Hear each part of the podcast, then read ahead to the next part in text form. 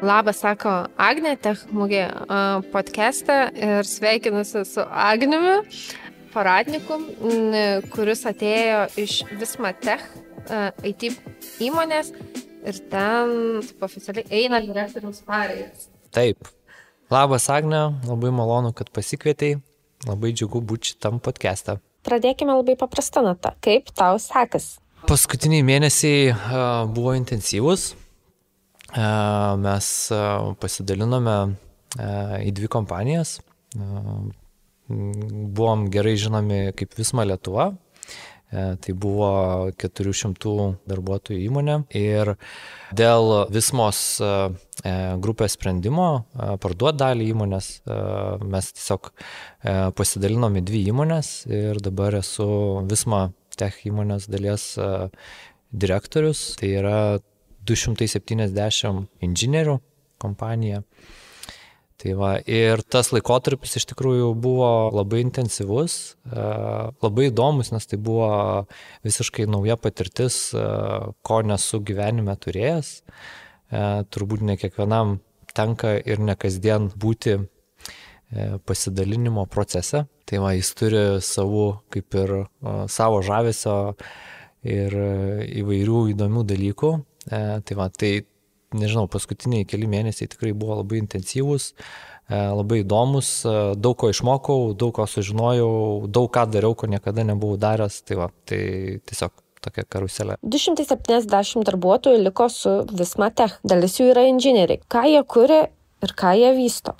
Tai e, po pasidalinimo gavosi toks kaip ir logiškas pasiskirstimas, e, ką šiaip visma kaip e, grupė siekia, tai yra tapti debesų kompiuterija paremta produktų kūrimo įmonė. Tai mes, kur likom visma tech, mes ir dirbame prie debesų kompiuterija paremtų produktų.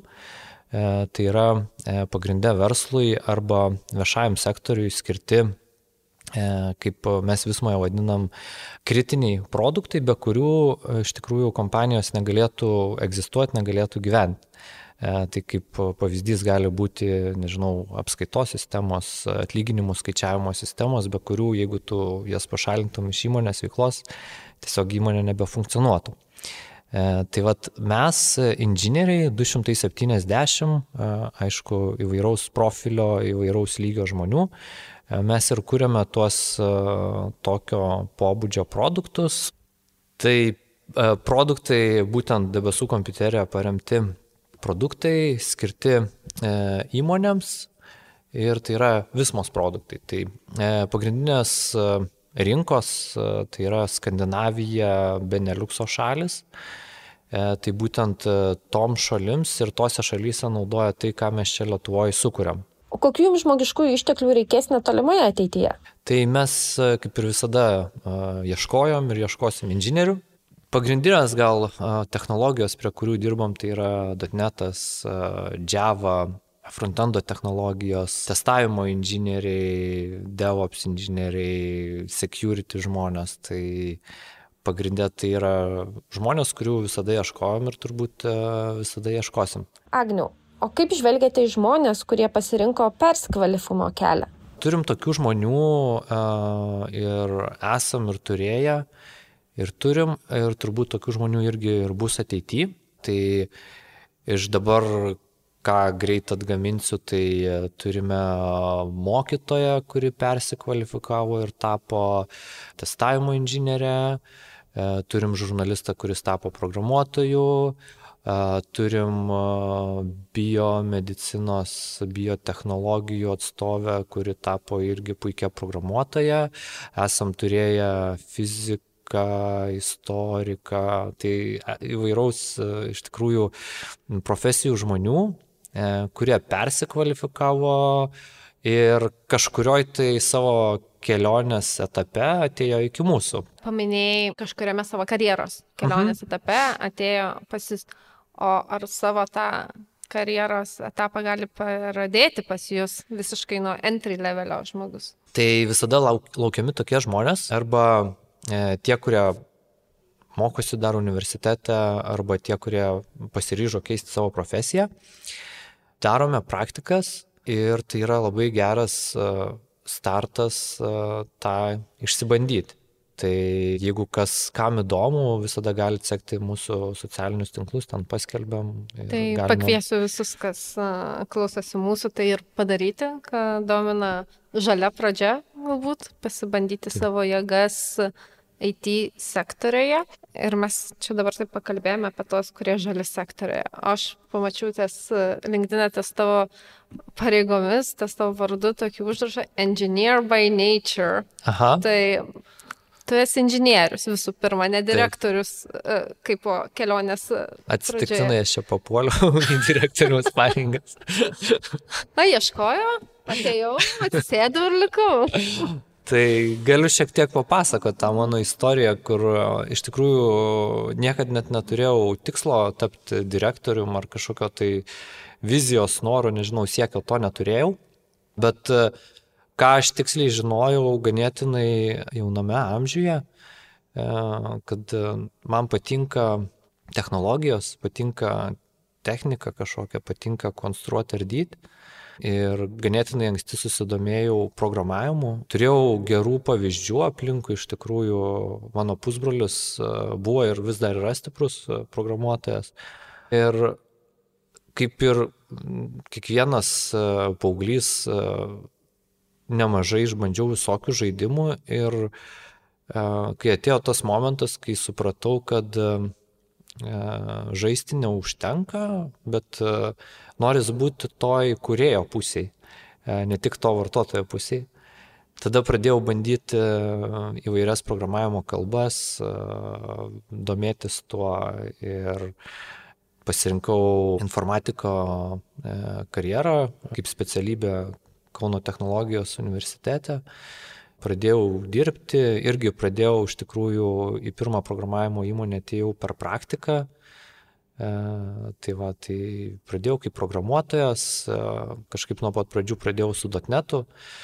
Tai va, tai programavau su .NETu keliose įmonėse, galiausiai atsidūriau Vismoje ir Vismoje E, tapau kaip ir e, stiprus patyręs programuotojas, tada pradėjau komandas kurti aplink save ir taip išaugo ta rolė, kur, nežinau, paskutinius jau gal kokius 5-6 metus labiau kaip toks departamento vadovas, kur yra nemažas skyrius, ten dirba mm. daug inžinierių ir panašiai. Tai va taip pažingsniui ta mano karjera kažkaip ir susiklostė, kur aš esu dabar turbūt nesuklysiu pasakydama, kad e, būdamas vadovo pozicijoje, kuris e, valdo beveik 300 žmonių, e, kurie yra IT žmonės, tau beprotiškai dėkinga pozicija yra pačiam būti praėjus programuotojo kelią, nes turbūt e, geriausiai supranti visus ups and downs vykstančius ir e, tikrai gal žmonės net pas tave ateina su vairiausiais klausimais, ne tik kaip pas direktorių. Be galo padeda ir ne veltui, jeigu ten žiūrint, kaip e, Big Techas kūrė savo struktūras, tai ten vadovai dažniausiai ir yra techniniai žmonės. Ir tai daroma yra e, dėl to, kad e, techniniai žmonės geriausiai supranta techninius žmonės. Ir mm, programinės įrangos e, kūrimo ta industrija tokia yra įdomi, kur galim labai greit nuvažiuoti lankas. Ir tas nuvažiavimas labai brangiai kainuoja, ar ne? Jeigu tu statai namą, pastatą ir tu jau matai, kad kažką netaip ten stato, tai tu gali pamatyti ir tą sustabdyti, bet kai yra programinė įranga, kuri yra neapčiuopiama, mhm. e, tai labai sunku tą pastebėti ir sunku sugaudyti tos momentus. Ir būtent ta patirtis, e, kurią aš e, susikroviau dirbdamas skirtingose komandose, tai ji tą duoda kaip ir geriau suprasti, geriau užčiuopti, geriau žinoti, kada mes čia einam link tinkamo sprendimo, kada mes čia visiškai į kitą pusę važiuojam. Mhm. Tai tas e, labai padeda, e, bet trūkumo aišku yra labai daug ir stengiuosi tą kompensuoti ir mokytis, tai yra būtent tie soft skillsai, ką iš tikrųjų tie, kas yra, nežinau, jau baigė kažkokias e, vadybas ir ten nuo pat pradžių dirbo kaip vadovais, jie tą iš karto irgi kaip ir turi, nes, nu, e, jų tokia profesija, jie daug, daugiau dirba su žmonėm. Tai vad, e, to matau, kur trūksta ir matau, kad tas tikrai, kur yra geri mokymai, labai padeda, praplečia akiratį ir tada visai kitaip mastai, mhm. nežinau, kitaip su žmonėm pradedi bendrauti ir mhm. panašiai. Aš pasidariau namų darbus šiek tiek apie vismą irgi tiesiog. Mhm. Nedidelius, bet šiokius tokius. Mhm. Ir mano akis sustrigo ties vienu straipsniu apie no management. Aha. Tai ar gali papasakoti, kaip jūs ten vystote tą no management politiką, jeigu dar vis vystote? Taip. Aš apie šitą jau ir norėjau užsiminti, kai tu pasakėjai, kad aš valdau 300 įmonę. Tai tikrųjų... Tu kaip programuotojas, ar tai būtų kaip būtų vadovas ar nevaldyti? Taip. Tai aš iš tikrųjų taip tiesiog pasakius, e, nevaldau, bet aš esu atsakingas ir aš stengiuosi, kad e, mes visi įmoniai kuo daugiau valdytumėm ją. Iš tikrųjų, ta nau managemento kaip e, pavadinimas yra įvairių pavadinimų, turi, nėra nusistovėję, kad visi vadintų vienu kažkokiu vardu, bet jis gan gražiai nau managemento skamba, limpa mums ir mes jį naudojam. Bet esmė yra tokia labai paprasta, kad Mes kaip įmonė norim, esam pasirengę atiduoti kuo daugiau atsakomybių žmonėm ir įtraukti e, darbuotojus į įmonės valdymą. Ir pavyzdžiui, e, tai yra vienas iš būdų, kaip tą padaryti, turėti grupę žmonių, kurios atsakingos už tam tikras rytis, tai pas mus yra komitetai ir jos, e, tos grupės žmonių yra atsakingos už tam tikras rytis. Tai tarkim, E, dabar vat, su, kuo, su kuriuo komitetu daugiausiai e, susiduriu, e, tai yra naujo ofiso, naujo pastato e, įrengimo komitetas, kuris atsakingas, kad tas pastatas būtų įrengtas taip, kaip mūsų darbuotojams geriausia tiktų, geriausia patiktų. Tai jie yra atsakingi kaip ir surinkti iš žmonių visą, visus atsiliepimus ir Jie susitinka, dabar turim, nežinau, antradieniais, ketvirtadieniais susitikimus su architektais, jie dalyvauja tuose susitikimuose, jie su jais diskutuoja, kas čia geriau, kodėl ten vieną kambarį tokį padarom, kodėl kitokį.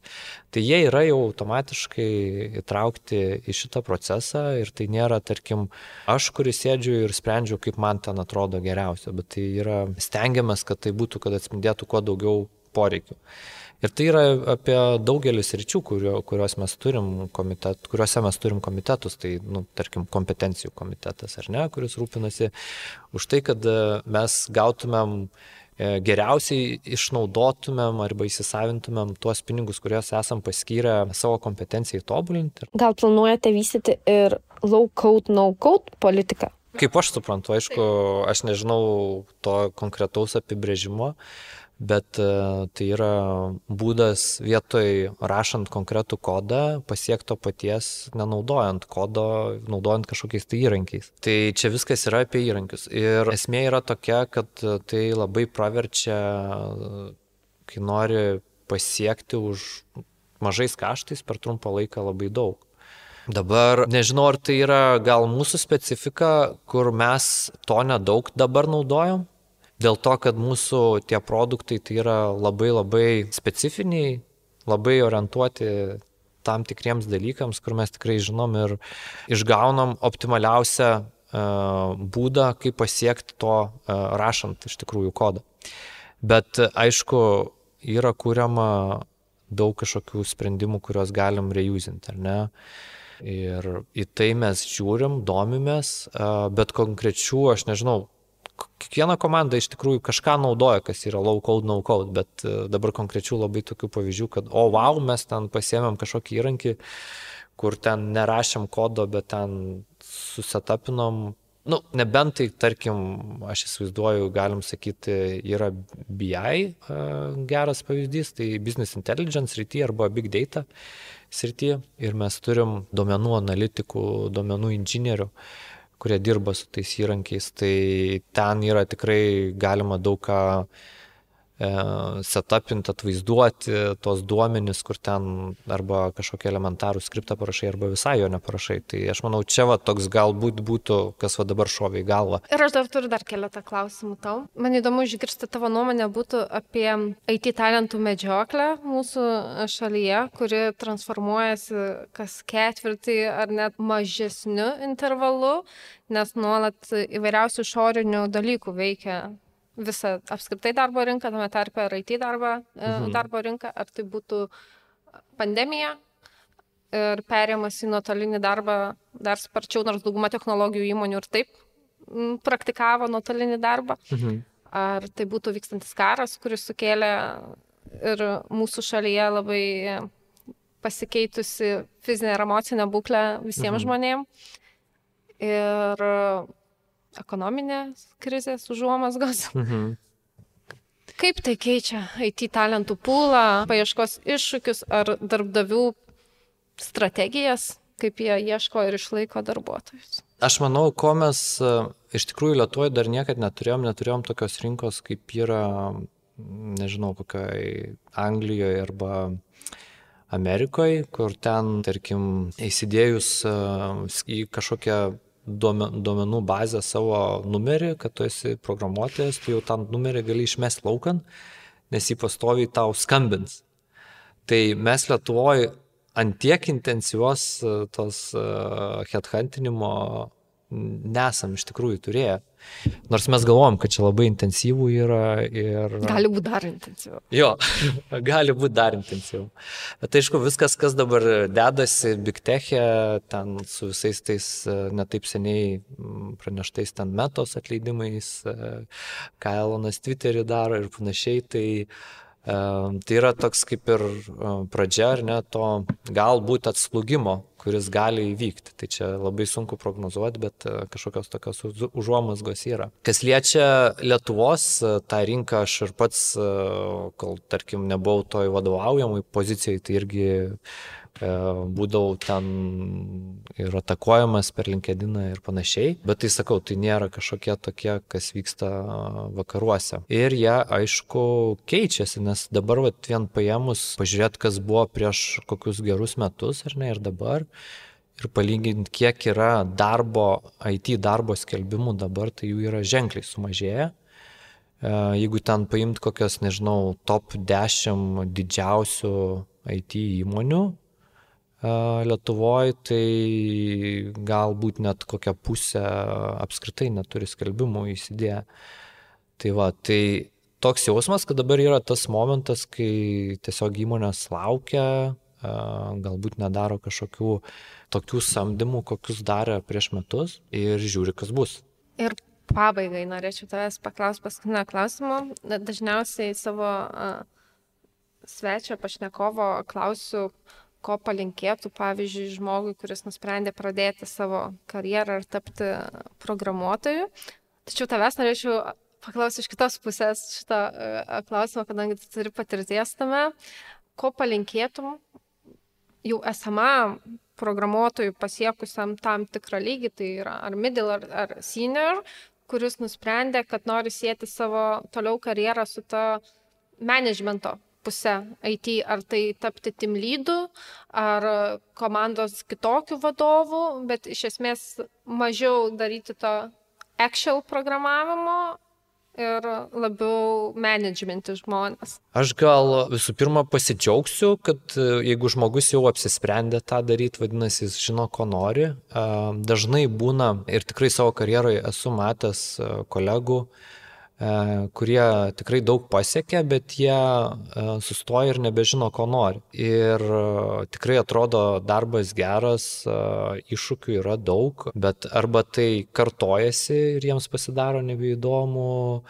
arba kažko nori naujo ir nesuranda. Tai va, tai turbūt palinkėčiau, kad jeigu esi tokioj situacijoje, tai tiesiog kažką bandyti naujo daryti Ir jeigu galiausiai apsisprendė, kad tai yra managementas, nori judėti link to, e, tai yra labai įdomus dalykas, e, bet e, visada tai nebus perėjimas iš karto nuo nežinau, pirmadienio tu jau esi menedžeris.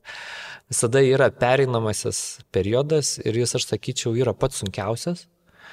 Ir jis yra pats sunkiausias galbūt dėl tokių dviejų pagrindinių dalykų. Tai vienas dalykas yra, kad tu pradedi keisti savo darbo kontekstą ir tu jį e, keitinėjai, labai dažnai turi keitinėti, kas inžinieriams yra, nu, džiauriai nepatinka. Nes jeigu tu esi vadovas, tai tu, vadinasi, esi atsakingas už kitus žmonės. Ir jeigu tu esi už kitus žmonės atsakingas, tu nežinai, kada kam ko prireiks, nežinai, kada kas ten atsitiks. E, tai vadinasi, tu gali e, dirbdamas dar, e, nežinau, programuotojų, to pereinamai laikotarpiu, tu, vadinasi, blaškysies, tu nesusikaupsi, tu būsi nepatenkintas, kad tu nepadarėjai. Anksčiau tiek padarydavai, suprogramuodavai, dabar jau esi, būdamas tuo vadovu, jau nebepadarai. Tai čia, vat, Vienas dalykas yra tas, kaip mes nu, vadinam, kontekst sučias ir ten yra aišku praktikų, kaip tą daryti. O kitas dalykas, tu vis mažiau jauti to progreso, kurį jausdavai. Nes e, vienas iš tų nuostabių dalykų, dėl ko inžinieriams e, tas darbas, kai jie jau pradeda dirbti, patinka, tai yra dėl to, kad jie jaučia tą progresą. Tai tu kažką padarėjai ir tu, nežinau, išleidai į produkcinę aplinką ir jau tavo programinė įranga, ten naudojasi vartotojai, jau ten gal pareina kažkokie bugai, kuriuos tu taisai, bet tu jau žinai, kad žmonės naudoja ir tu jauties kaip ir padaręs kažką apčiuopamą. Tai kai tu pereini į managementą, tu to e, nebeapčiopi, ką tu iš tikrųjų padarai. Tu gali visą dieną praleisti kalbėdamas su žmonėm ir tu nematysi to progreso. Tai vat, ir tas irgi yra, e, tas momentas yra sunkus ir man iš tikrųjų, nežinau, kai aš pradėjau e, vadovaujamą darbą dirbti ir tie pirmie, nežinau, man atrodo, du metai turbūt buvo patys sunkiausi, nes uh, tiesiog reikėjo suprasti, kad tai yra visai kitoks uh, darbo pobūdis. Visai kitaip tu prioritetus dėliojas mhm. ir tu visai kitokį darbo pasitenkinimą jauti arba jo visai nejauti kartais ir reikia rasti, kur tą pasitenkinimą jausti. O, o turėjai kažkokių triukų, kaip perėti tą laikotarpį lengviau? Ar jau tuo metu netrodė taip sunku, kaip dabar retrospektyviai žiūri? Ne, man, man kaip tik gal buvo sunkiau tuo metu, negu aš dabar matau. Mhm.